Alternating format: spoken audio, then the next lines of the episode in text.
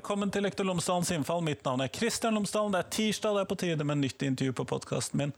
Denne uken så snakker jeg igjen med Marta Straume, som er en av Norges store veteraner innenfor hjemmeundervisningsfeltet, hvor hun bl.a. har vært tilsynslærer for veldig mange hjemmeundervisningsfamilier.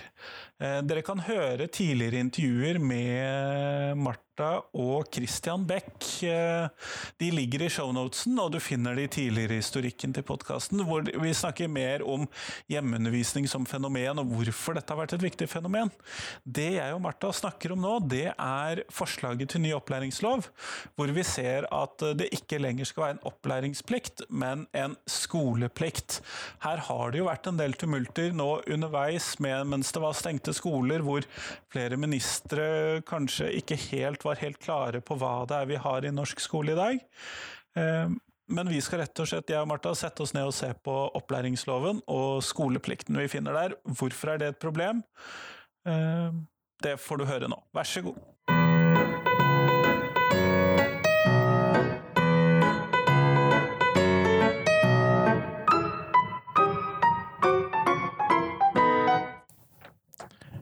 Marta Straume, tusen takk for at du er med på podkasten min igjen. Takk sjøl. Eh, du har jo fortalt om deg selv sånn, før tidligere, sånn at de som vil finne ut mer om deg, de skal få lov til å gå tilbake og høre det. Men du er jo en av de som har mest erfaring med hjemmeundervisning i Norge som tema. Det tror jeg vi kan si. Ja, Det kan vel Det får stå på min regning i så fall. det har jo nok med alderen å gjøre òg, det. Kanskje. Det har jo det. Men hva er, sånn kort, hva er regelverket for hjemmeundervisning i Norge per i dag? Hvis vi starter der, da. For de som ikke har vært borti temaet tidligere.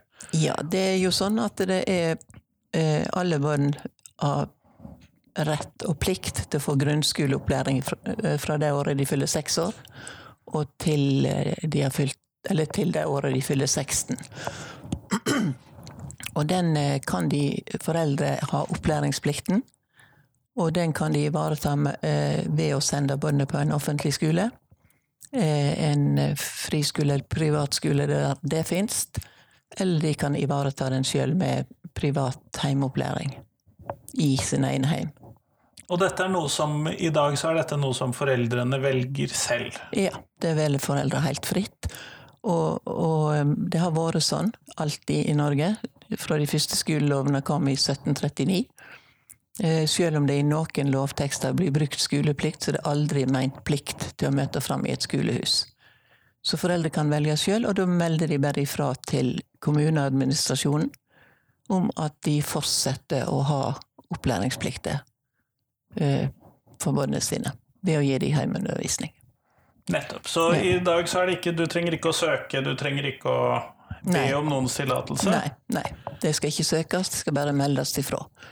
Og så skal jo da kommunene pålagt å ha tilsyn eh, med denne undervisningen, som da skal sikre at barna får sin rett til opplæring eh, gjennom den undervisningen som foreldre gir. Nettopp. Selv, Ja. Eh, vi sitter jo her nå med forslaget til ny opplæringslov. For det har jo kommet som en NOU, og for de som ikke har sett den, så er det et veldig tykt ja. Eh, hefte. Eh, og det, her ligger det noen ting som du har tenkt litt på med tanke på dette med hjemmeundervisning. Så hva er det du ser her av lov, dette lovforslaget? Ja, jeg las jo det, noe av dette før jul, når den ble lagt ut. Og jeg ble skikkelig sjokkert eh, når jeg las eh, at eh, altså når opplæringsretten skal nå ligge til kommunene. Altså den blir tatt fra foreldre og gitt til kommunene, både retten og plikten til å gi barn opplæring i grunnskolealderen.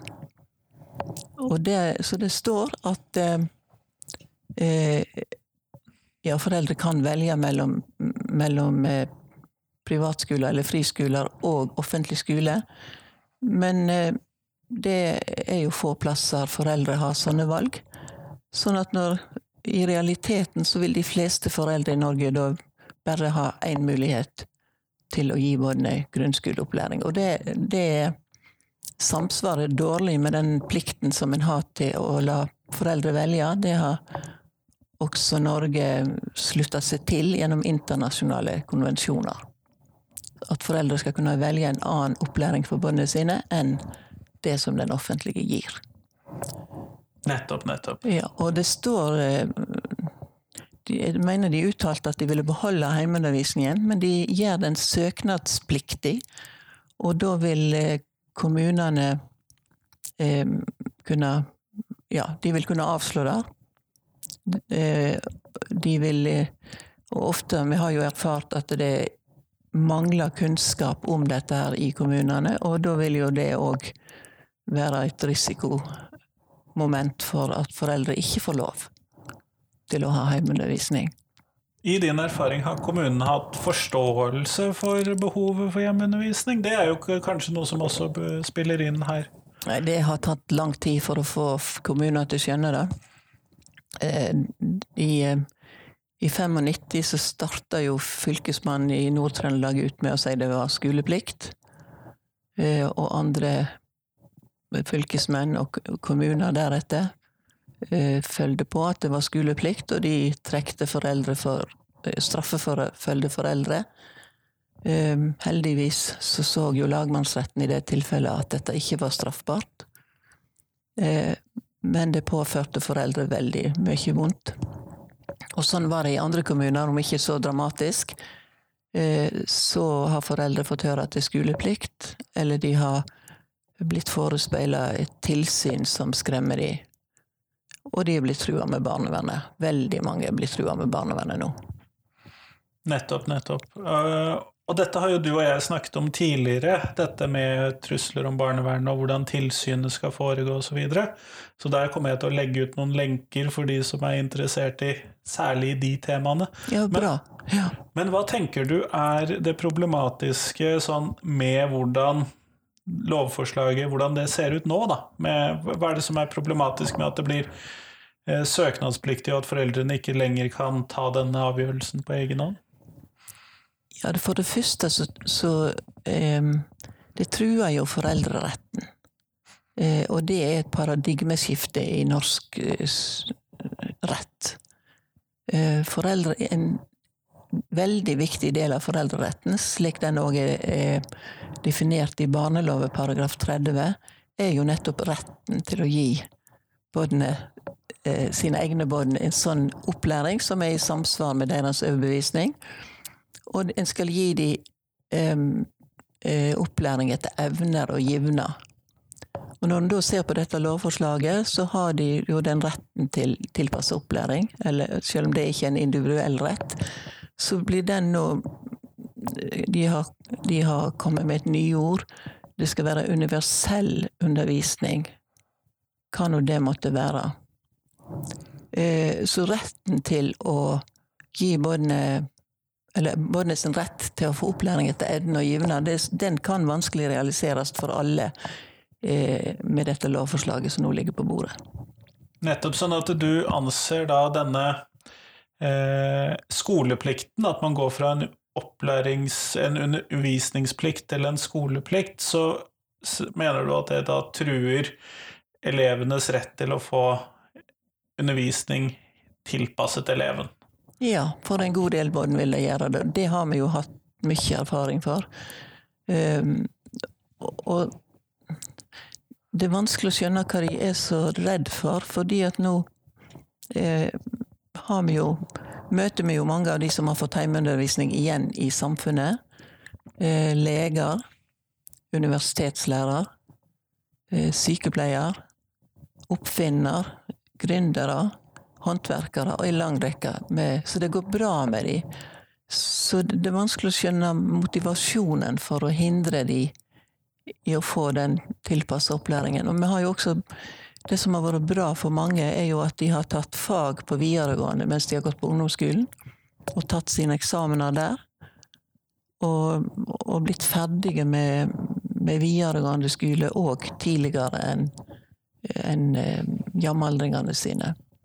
Så det har vært god tilpasset opplæring for de, og øh, veldig tilfredsstillende for de, og billigere for samfunnet. Ja, det er det jo. Det koster jo penger, denne utdannelsen. Ja, det gjør det. det, gjør det. Så, så um, Ja. Og det, det, en del av dette har en jo kunnet lest om i media. Mm. Ja. Men i tillegg til eh, dette, fordi at du sier at dette da truer foreldreretten og foreldrenes ansvar for å sørge for opplæring av elevene. Men du har jo funnet andre ting i dette lovforslaget som du også finner problematisk når det ses i sammenheng med denne skoleplikten? Ja, det er jo nettopp det at en kan se en vilje her til å En veldig sånn sterk vilje til å styre opplæringen. Eh, og det har en jo eh, En har jo sett En ser det internasjonalt òg. At staten har veldig interesser i å, å styre opplæringen. Eh, så, så, og da kan de jo få det til hvis de reduserer foreldre sin rett. Og det er det de gjør. Og det er En annen ting som, som jeg syns var veldig merkelig i den loven, er jo den, den innlosjeringsplikten som, som blir pålagt bøndene. Eh, F.eks. hvis ikke de kan ta seg fram til skolen på, på dagen. Hvis f.eks. fylkesmannen mener at det er for farlig å skysse dem, så har de plikt til å la seg innlosjere på skolestaden. Og hvis de nekter det, så er foreldre pliktige til å kysse dem og ta kostnaden med det. Det harmonerer dårlig både med gratisprinsipp og omsorg for barn. Så har vi jo fått en, en, et speil på dette nå da, i koronatida, da vi har sett at barn kan, kan lære veldig mye ved å sitte hjemme på ulike måter, og jeg har jo fått meldinger fra foreldre som sier 'endelig fikk mitt barn det han trang'. Fordi han fikk sitte hjemme i ro og fred. Og mange rapporterer jo at de har lært mer. Så det er denne her sterke viljen til at alle skal gjøre det samme på samme plassen, bare fordi de er jamgamle, som jeg tror det ødelegger for veldig mange. Og en annen ting som jeg Som har vært veldig viktig for mange barn, det er jo at en har kunnet berge de ut av mobbesituasjoner. Samtidig som de nå vil innføre skoleplikt, så har en fått vite at ved siste elevundersøking at 27 000, 27 000 barn er fremdeles mobba og kvir seg til å gå på skolen hver dag. Det er et halvt årskull, nesten. Jeg har sett at mange av de har blitt berga ved hjemmeundervisning. Ja, sånn foreldrene tar en, Ja. Noen av de som har hjemmeundervisning, er fordi at foreldrene tar de ut av skolen pga. Ja, mobbesituasjonen. veldig, veldig mange har jeg sett gjennom alle disse årene. Og eh, jeg har sett at barn eh, som får hjemmeundervisning, er mindre syke. Eh, de eh, lærer naturligvis mer. Og de slipper mobbing. Ja. Foreldre kanskje jobba i mange år for å få, få rett på, eller få berga de fra mobbing, for, for å få eh, eh, lærere og, og skoleansvarlige til å handle for å hjelpe dem, og det skjer ingenting, og så blir siste utvei å ta dem ut. Og da er det ofte et sånn eh, stort eh, reparasjonsarbeid for foreldre. Um, og da har jeg mange ganger sett at de må begynne en annen plass enn enn med, med, med kompetansemålet. Barna har kanskje ikke eh, De orker ikke se bøker. Eh, og, og det må tilsynet være klar over. Eh, når de at når, når barn er så nedbråtne, så må tilsynet ta hensyn til at de kanskje ikke kan begynne med kompetansemålet første dagen. Og det jo, dette henger jo da kanskje sammen med dette med å gi tilpasset opplæring og etter barnas modenhetsnivå, eh, evner osv. Ja, i aller høyeste grad. Og det her er det liten forståelse, siden du spurte om det i stad. Det er liten forståelse for at, at foreldre vil ta vare på barna sine og sikre dem mot psykisk og fysisk skade og fare, som de er pliktige til etter barneloven. Men har du noen tanker om hvorfor man nå ønsker å gjøre om eh, opplæringsplikten til en skoleplikt? Har du noen tanker om, sånn om hvorfor man vil dette? Eh, altså, jeg var sjokkert når ei regjering som, som sier at eh, den enkelte veit best for sine, kan finne på dette her. Um, så jeg, har, jeg veit ikke, men vi så jo de samme tendensene ved forrige lovendring i 1998.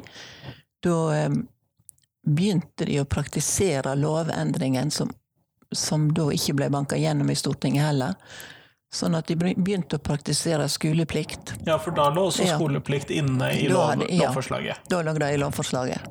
Det fikk de ikke gjennom, for det var en eh, Ja, det var eh, folk som så hva som holdt på å skje, og som varsla. Og de fikk laga en ny lovparagraf til sin egen lovproposisjon, og den gikk da gjennom med flertall i Stortinget. Så de berga opplæringsplikt i 1998. Det er det jeg håper skal gjøres nå òg. Og mange har henvendt seg ø, om dette her.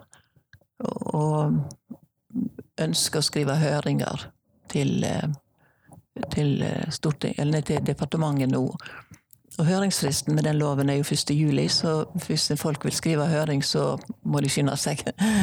Det, det, har vært sterke reaksjoner på dette. Og det, det at vi Altså, vi ser jo eh, nå i koronatida så har vi sett at tre statsråder informerer feil. Eh, det skjedde først ved at eh, barneministeren, Ropstad, han, eh, han ba lærerne gå hjem til foreldre Eh, men det har jo ikke Det er ingen hjemmel for det. Det er bare politiet som kan gå hjem til folk, og da må de ha ransakingsordre. Så skrev eh, eh, ut, eh, kunnskapsministeren Guri Melby hun skrev en kronikk for en 14 dager, tre uker siden der hun sa det var skoleplikt. Og heimeunderviserne så jo dette, og, og, det var mange som reagerte. Eh, så eh, skrev hun at en kunne, eller hun sa på, i beste sendetid at en kunne bli utsatt for tilsyn. Som en slags trussel. Eh, men tilsyn er ikke noe en blir utsatt for, det er jo noe en samarbeider med kommunen om. Og mange både gleder seg til å vise hva de kan. Eh, så kom av alle justisministeren og sier at hvis ikke bøndene ville gå tilbake på skolen, så kunne eh, fylkesmannen komme og banke på døra.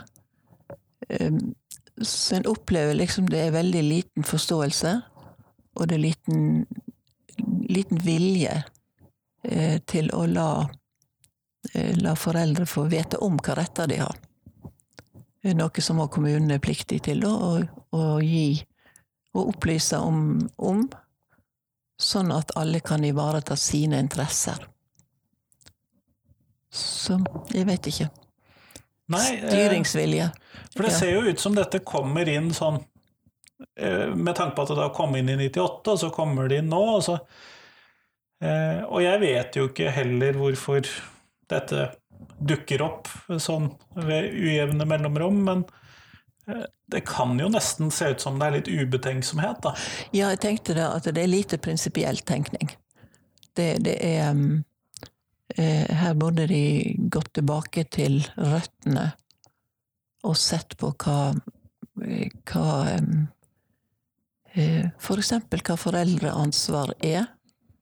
Eh, det var det som berga oss, eller berga båndet fra ungdomstjenester under siste verdenskrig.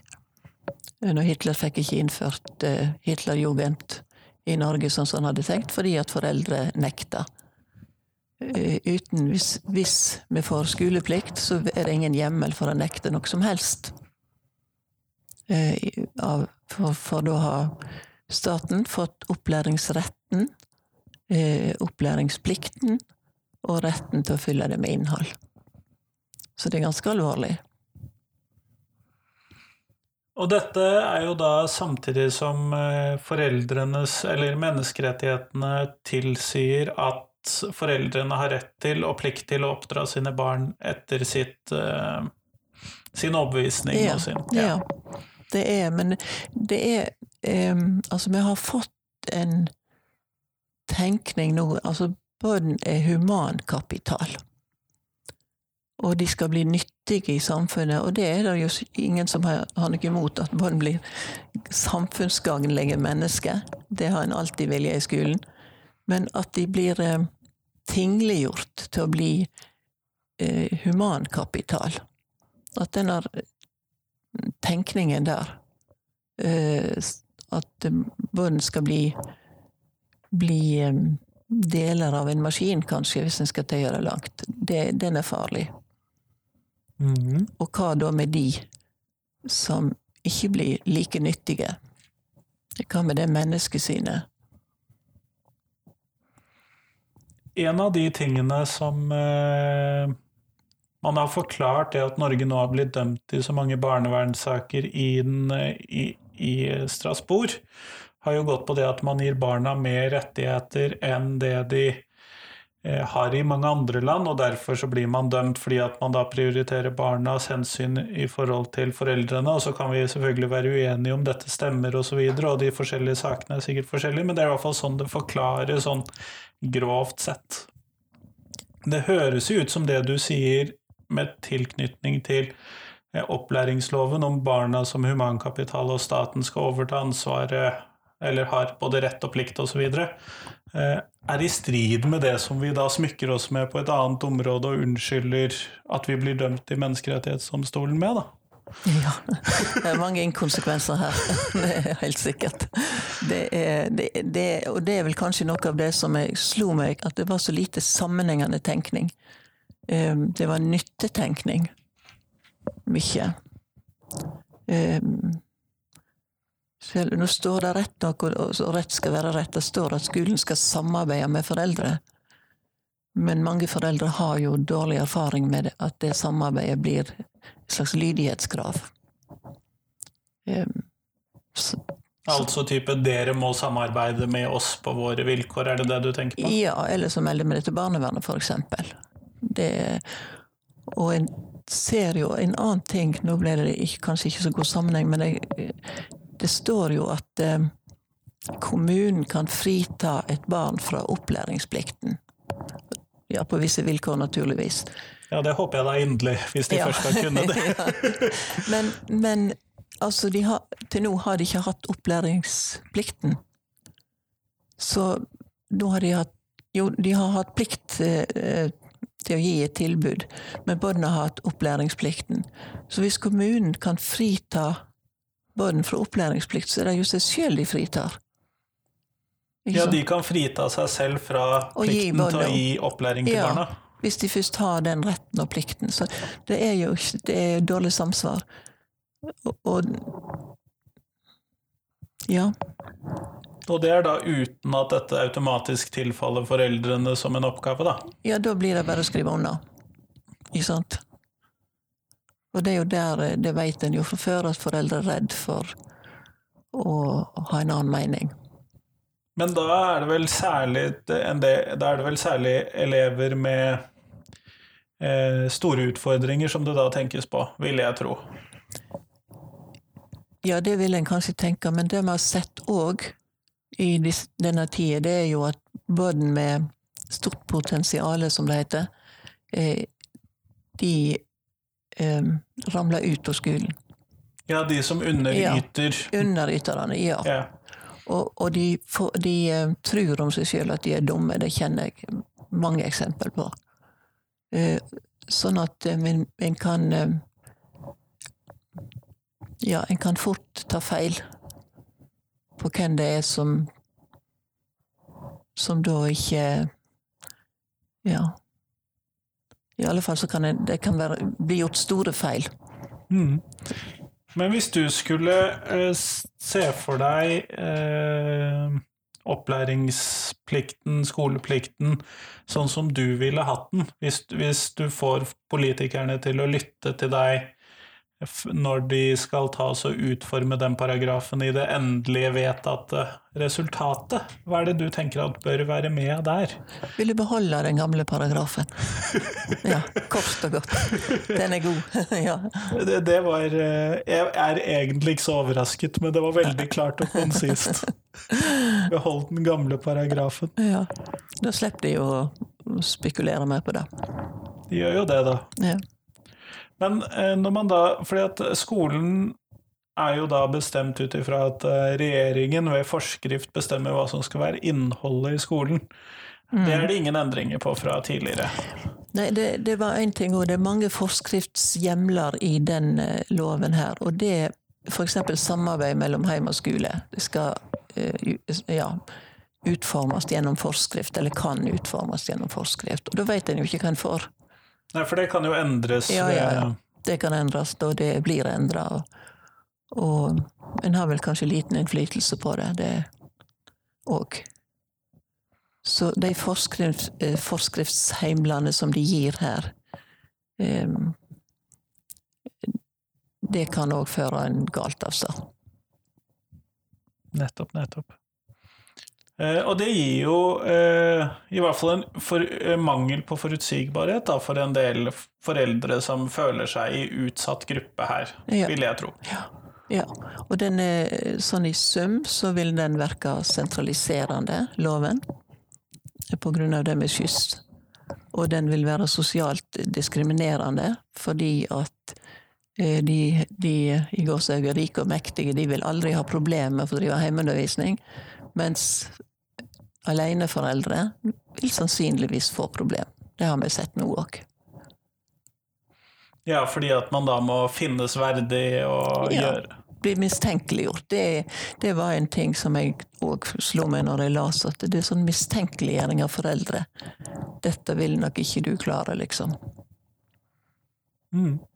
Men du var innom dette her med hva vi har sett nå under eh, den eh, skolestengningen som har vært eh, nå, mm. og hva politikerne har sagt. Men hva har man sett som en del Eller de- det som hjemmeundervisningsmiljø type ting? Har det vært noe større pågang fra foreldre som ønsker å ha hjemmeundervisning for barna sine nå?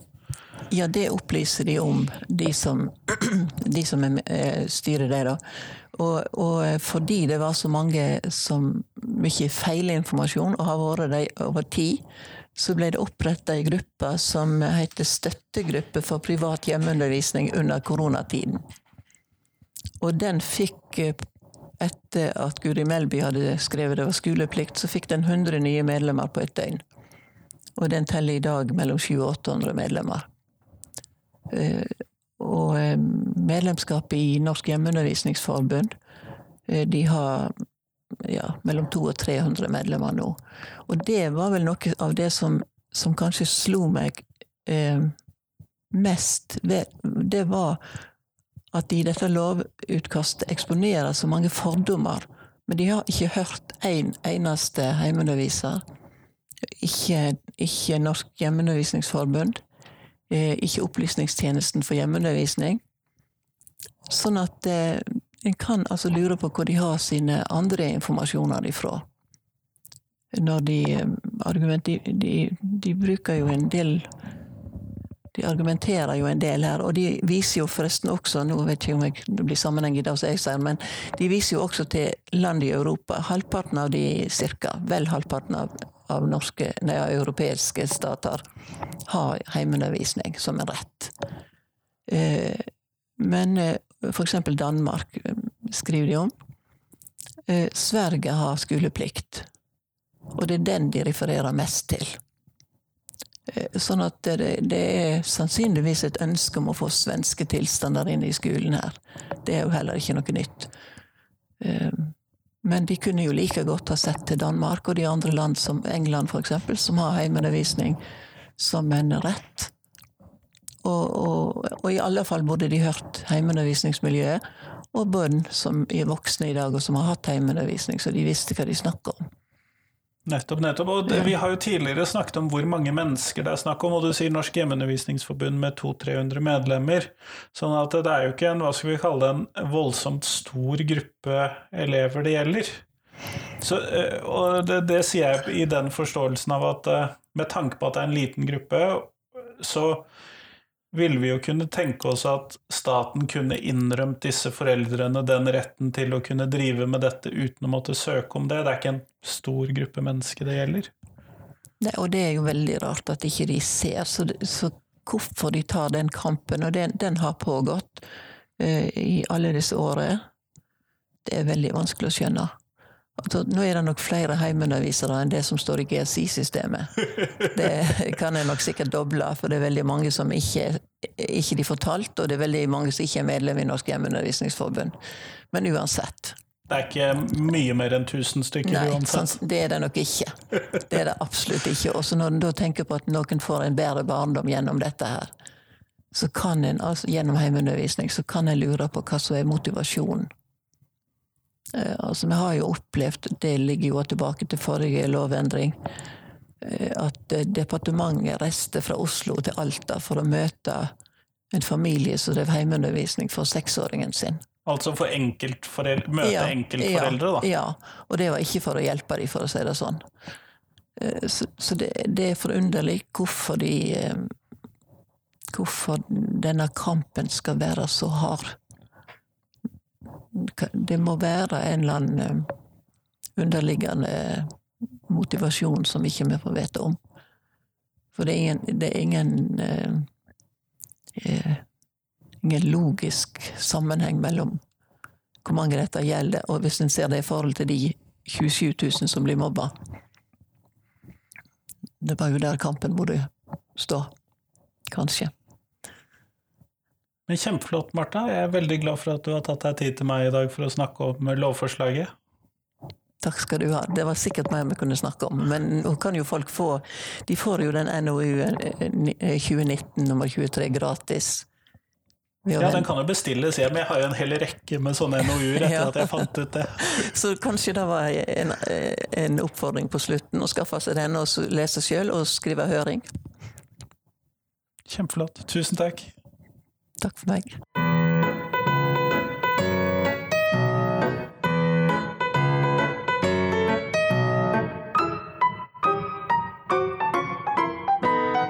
Tusen takk til Martha, og tusen takk til deg som hørte på. Eh, Nå er det en uke igjen, som vanlig, til neste podkastintervju.